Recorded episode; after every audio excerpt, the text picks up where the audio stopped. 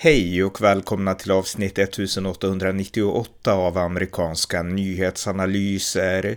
En konservativ podcast med mig, Ronny Berggren, som kan stödjas på swishnummer 070-30 28 95 0. Här följer ett samtal med journalisten Pelle Zackrisson om huruvida den republikanske presidentkandidaten Ron DeSantis har underskattat styrkan hos sin främsta rival Donald Trump. Varmt välkomna! Pelle Zackrisson, välkommen. Tackar. Vi ska prata lite om den här matchupen mellan Donald Trump och Ron DeSantis. Och eh, Ron DeSantis, han hade ju, man hade stora förhoppningar på honom när han pålyste sin kandidatur i maj. Men det känns lite grann som att han har vandrat in i en rejäl kalldusch. Ja, han eh, har, han, det ser ut som att han har försatt sin chans helt enkelt. Mm. Jag, skulle säga, jag skulle säga så mycket som att Ron DeSantis är rökt. Oj, okej, okay, så pass. Nej, alltså, jag menar, det, det, kan vi då ställa i perspektiv till att han var den person som alla hoppades på, även jag, att han ska, kanske skulle kunna ta manteln från Donald Trump och gå vidare på grund av Trumps många olika personliga problem. Och han vann ju en stor seger där i Florida, sitt omval till guvernör där i november förra året. Mm. Och man hoppades att han skulle lyckas, men opinionsmätningarna nu är glasklara. 51 procent enligt en mätning av NBC av de republikanska väljarna stödde Donald Trump och stödet för Ron DeSantis är 22 procent. Så jag menar Donald Trump har mer än, alltså 31 procent mer än Ron DeSantis.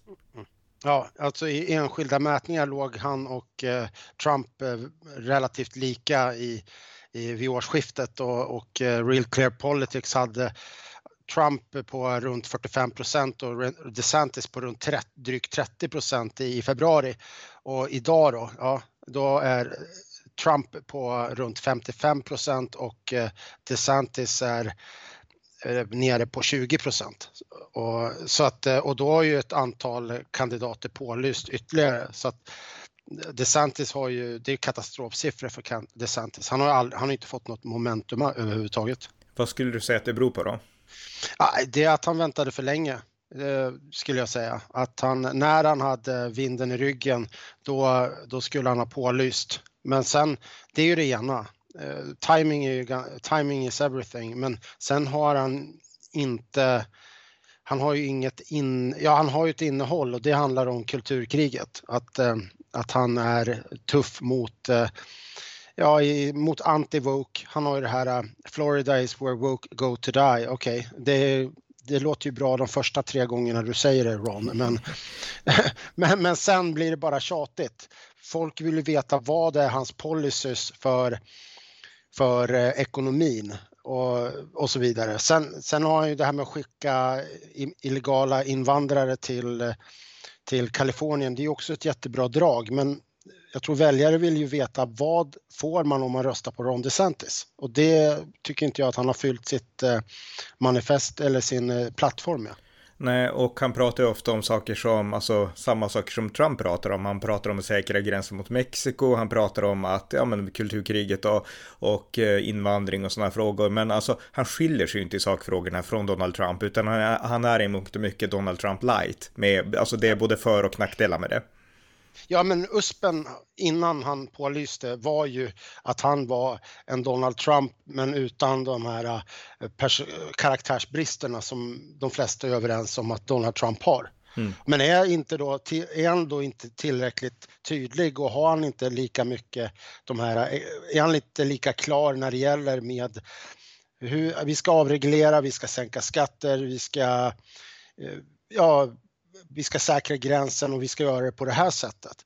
Då blir det ju tveksamheter om man ska rösta på honom. Alltså det är ju det som är hans säljargument, att han är lika bra som Trump men utan Trumps brister. Mm. Precis, och eh, väljarna verkar ju tycka att Trump, för det är det som är grejen här, så väljarna, det är inget snack om att förra året, speciellt i samband med midterms, när det gick så dåligt för republikanerna, då var det många väljare som ansåg, även republikanska väljare, att det här är Donald Trumps fel, för han ältar alltid valfusk, och han har nu pushat fram de här konstiga kandidaterna som börjar prata om konstiga saker, det är avskräckande, och då var tanken att det är dags för något nytt. Alltså det tog ju två år nästan innan en stor del, åtminstone av det republikanska partiet, började känna att nu är det dags att lämna Trump bakom oss. Sen Sen kom årsskiftet och det blev en ny häxjakt mot Donald Trump. Det vart olika åtal. Det vart den här stormningen, om vi säger stormningen av Mar-a-Lago när FBI-agenter stormade för att ta Donald Trumps dokument och det har varit liksom åtal efter åtal oavsett detaljerna här och vad man kan tycka är korrekt och inte så uppfattas det av republikanska väljare som en fortsatt häxjakt på Donald Trump. Alltså det är liberala aktivister i justitiedepartementet och på andra nivåer som bara vill sätta dit Trump till varje pris. Och det gör att väljarna, de sluter upp bakom Donald Trump och de köper helt hans narrativ. Så att Ron DeSantis har liksom inget, alltså de känner att de behöver inte det här alternativet till Donald Trump längre, känner de.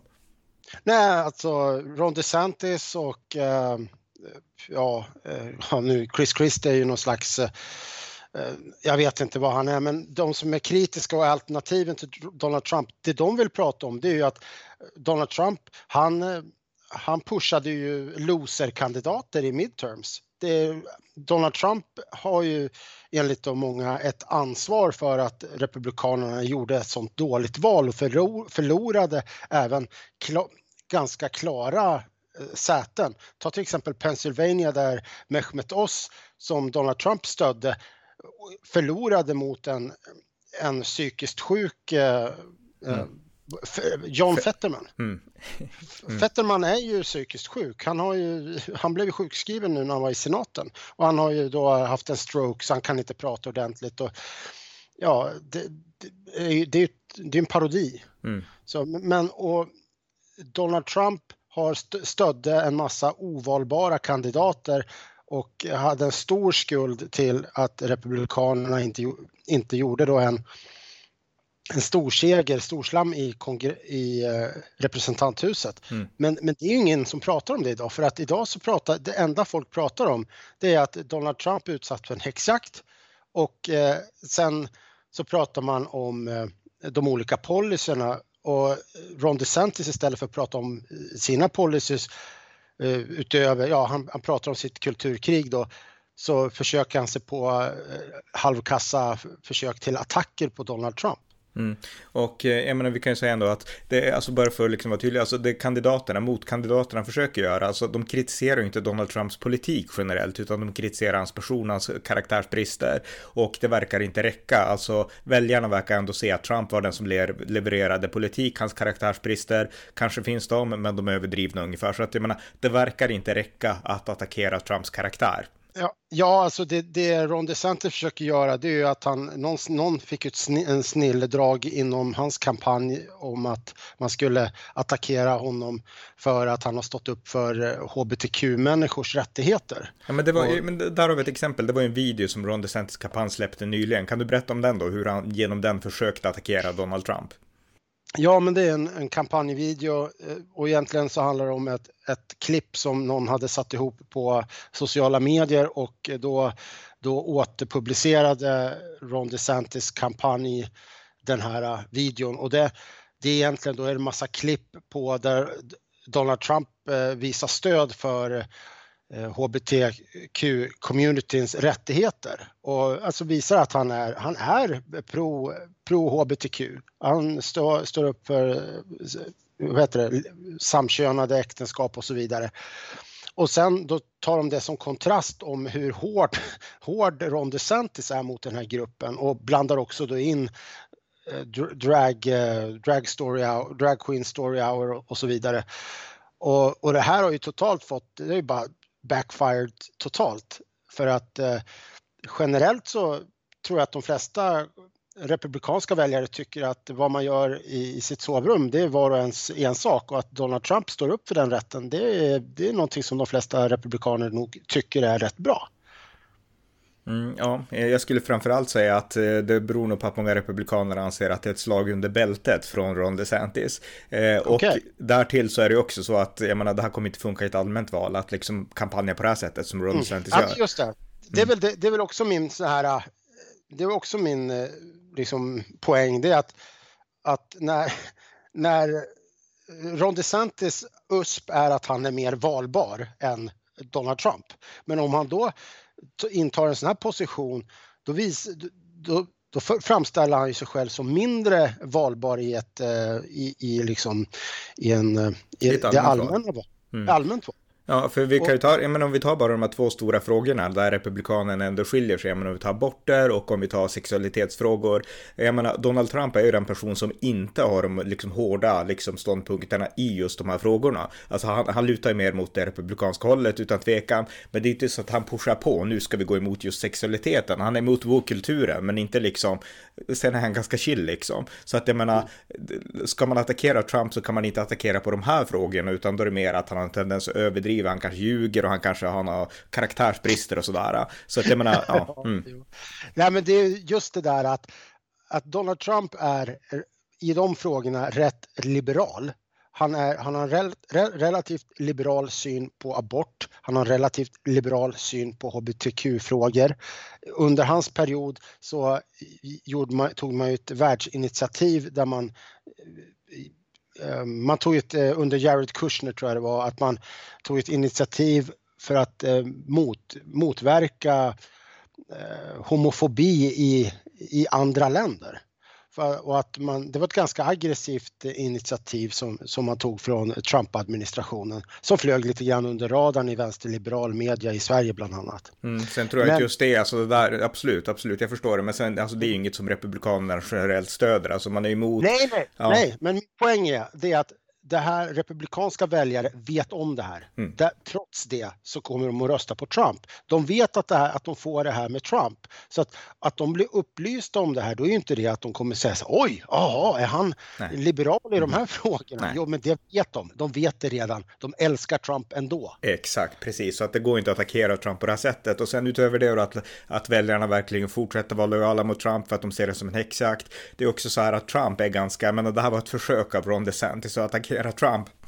Och eh, det var ett ganska lamt försök. Jag menar, Trump attackerar Ron DeSantis, vilket han ju hela tiden ska sägas. Då är han mycket, mycket hårdare. Han pratat om att Ron DeSantis är tråkig, han är liksom trött och han är liksom en nolla ungefär. Alltså ja. Trump, Trump är liksom, han kör ju på mycket hårt. Alltså Ron DeSantis har ingen chans i att köra på i det här liksom, liksom den här kampanjretoriken. Alltså Trump är ju helt mm. överlägsen.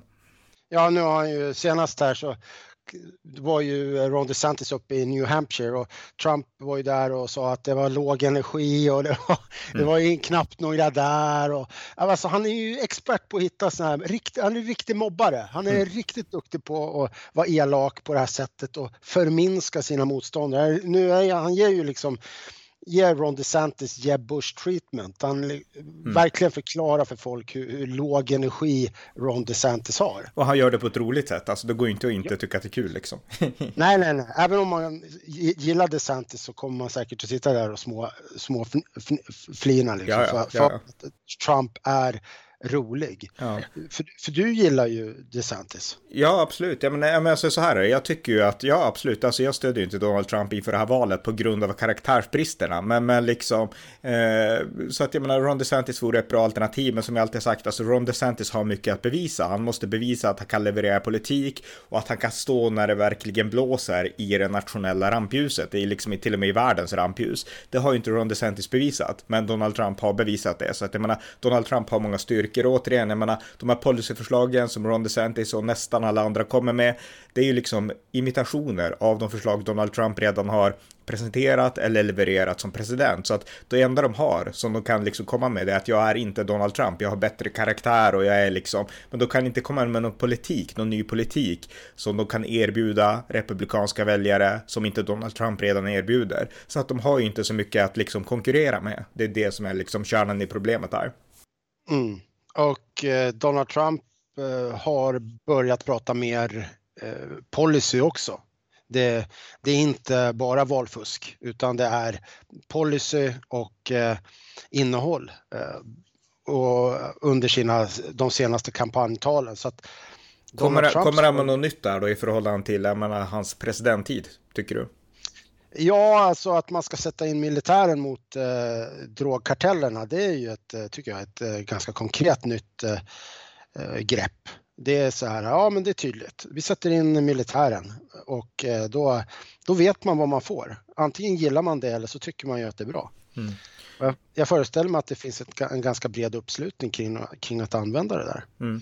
Eh, en sak dock, en fråga som jag tror, där finns det en som kan konkurrera och det är Nikki Haley och det kommer till utrikespolitiken och kanske även Mike Pence då. För jag menar, där har vi ett problem där Trump förmodligen kommer att vara eh, svagare, både svagare än han var 2020 och som sin tid som president när han ändå hade många klassiska republikaner i sitt team, men nu svagare i förhållande till många andra kandidater och då framförallt Nikki Haley. Ron DeSantis har ungefär samma syn som Donald Trump på utrikespolitik, är försiktig med det här när det kommer till Ukraina och liknande, medan kandidater som, eh, ja, såklart Nikki Haley, men även Chris Christie, de är glasklara och Mike Pence också med att vi måste stödja Ukraina liksom. Så att där finns det kanske mer skillnader i utrikespolitiken. Men inrikespolitiskt så finns det ju ingen som kan komma med något nytt som Trump inte redan har liksom presenterat, känns det som. Nej, nej och sen är det väl mer att du, det är du och jag som tycker att eh, Nikki Haley och Mike Pence har en bättre utrikespolitik och, och starkare. In, in, bland republikanska väljare är det väl så att att eh, Trump ligger, eh, ligger ganska bra till, ganska bra positionerad. Att mm. eh, han, han, känner av vart folk, eh, vart det lutar liksom. Att han, eh, om, om, om man då om Trump blir vald, då tror jag att det bästa man kan hoppas på det är att han fokuserar, för han, han har ju en historik av att ta upp striden med Kina. Och då med handels, alltså handelskrig mot Kina och att han då tar, tar upp det där, återupptar det där igen om han blir vald till president och att det på något sätt då skulle... Att det, bli... det blir hans utrikespolitiska spetsord ja. liksom? Mm. Ja, och att det då, att han då bildar den här triple axis of evil, att det blir Kina, Ryssland och Iran istället. Det är den nya triple axis of evil. Ja. Och det, det, är väl liksom ett drömscenario. Man får hoppas det, men det, det, var en bra peng du gjorde där, därför att det är viktigt att påpeka det. Jag menar här i Sverige så det är många som är, åh, vi kan inte se Donald Trump bli president igen, för han kommer vända världen ryggen och han kommer liksom inte att bistå oss i kampen mot Ryssland. Och eh, jag skulle anse att det var beklagligt. Jag anser att USA ska verkligen leda i det här nya kalla kriget. Jag vill att USA ska stå sida vid sida med Europa, eller snarare tvärtom. Europa sida vid sida med USA i kampen mot Ryssland. Det är oftast Europa som har backat här. Och eh, så att jag vill verkligen ha en fortsatt aggressiv front mot världens eh, diktaturer och totalitära system. Eh, men, men det man måste förstå och respektera det är ju att det Donald Trump gör när han skiftar med fokus inåt, det är att följa det amerikanska elektoratet. Det är de amerikanska väljarna som vill rikta blicken inåt och den skulden kan man inte belasta Donald Trump för, utan det är liksom han gör det väljarna vill och det måste vi i Europa respektera. USAs ledare, deras främsta plikt är inte mot det internationella samfundet samfundet, det är mot konstitutionen och mot amerikanska väljare. Och även om det inte går alltid i intresse på samma sätt med det vi i Europa är intresserad för, så är det någonting som vi måste lära oss att respektera. Och eh, den poängen är viktig att verkligen få in här i Europa tycker jag. Ja, alltså framförallt så finns det ju ett, eh, ett grundmurat USA-hat bland eh, många vänsterextrema i, i Sverige och Europa som, som har ja, som bidragit till eh, den amerikanska, eh, det minskade eh, stödet från amerikansk allmänhet. Det är jag helt övertygad om att vara engagerad i Europa och i övriga världen. Men jag skulle säga det att en av hans liksom grundpelare Trump i sin kampanj det är att han, han vill återigen öka USAs produktion av olja och av gas mm. och göra USA inte bara energioberoende utan energidominant. Mm. Och det skulle, det skulle vara en, en, det skulle kunna få Ryssland på, och Kina på knä. Mm. För att då blir inte Europa beroende av Ryssland och då kan du sänka priset på, om priset på råolja går under 60 dollar fatet, då, blir, då kommer inte ryssarna kunna sälja sin olja för de får ingen förtjänst. Och då blir, då blir Ryssland bankrutt. Mm. Och, så att genom att man genom hela den här gröna omställningen så har priset, priset på råolja gått upp och på det sättet har man indirekt har man indirekt då gett eh, Ryssland möjlighet att, eh, att liksom göda sin kassa. Mm. Så att å ena sidan så stöttar man Ukraina, vilket är bra. Men å andra sidan så har man energi, eh, håller man på och eh, har en energipolitik som gynnar Ryssland. Ja, ja. Mm. Och, och, då, och, då, tänker jag så här, du kan inte göra båda. Du får välja. Antingen så är du, gör du en grön omställning och då accepterar du att eh, Ryssland eh, går in och, och, tar Ukraina. Eller så väljer du att knäcka ryssen och väljer du att eh, göra Ryssland bankrutt och jag föredrar ju att göra Ryssland bankrutt genom att, eh, genom att eh, öka produktionen. Mm. Ja, ja, precis. Ja, ja absolut. Så, exakt, alltså det går inte i liksom, kontrast. Alltså, man kan ju vilja så... stoppa Ryssland och ändå ha en grön omställning, eller vad jag betona. Men, men liksom konsekvensen av politiken, det är det som... Så att jag menar, Trump med en sån politik att göra USA energidominanta, det kommer även att gynna liksom, kampen mot Ryssland. Så att det är också en viktig poäng. Men om vi håller oss till liksom, spelet mellan Ron DeSantis och Donald Trump, eh, alltså det enda man kan angripa Donald Trump och det är utrikespolitiken då, om man är rival, därför att det är där man kan konkurrera. Men på det området försöker ju inte Ron DeSantis DeSantis konkurrera, utan tvärtom. Där så snappar även han upp att om man vill vara någon, någonting i det här primärvalet så måste man lyssna på de republikanska väljarna och de är trötta på krig, ungefär. Mm. Så att jag menar, han ja. försöker inte ens konkurrera på utrikespolitiken, utan han försöker på, alltså han, han vill framställa sig som anti-woke-kandidaten och det är egentligen mm. det enda nya i kontrast till Donald Trump och det räcker inte. Nej, nej, han, eh, som jag sa i inledningen av podden, han är rökt mm. för att han har, ingen, han har ingenting eget att komma med. Nej, så avslutningsvis då, kommer det här att bli liksom historiens tråkigaste republikanska primärval? Nej, alltså med Trump kan det aldrig bli tråkigt. Okay. det, det, eftersom att hans kampanjrallyn är ju som de är, de är ju eh, jäkligt roliga och hans dagsform är, är rätt hög och ser ut att vara på stigande. Så att, eh, att, att historiskt tråkigaste men det mest förutsägbara är det absolut. Så, så trots typ, vad är det, 14 kandidater eller någonting så kommer det att bli ett solorace ungefär?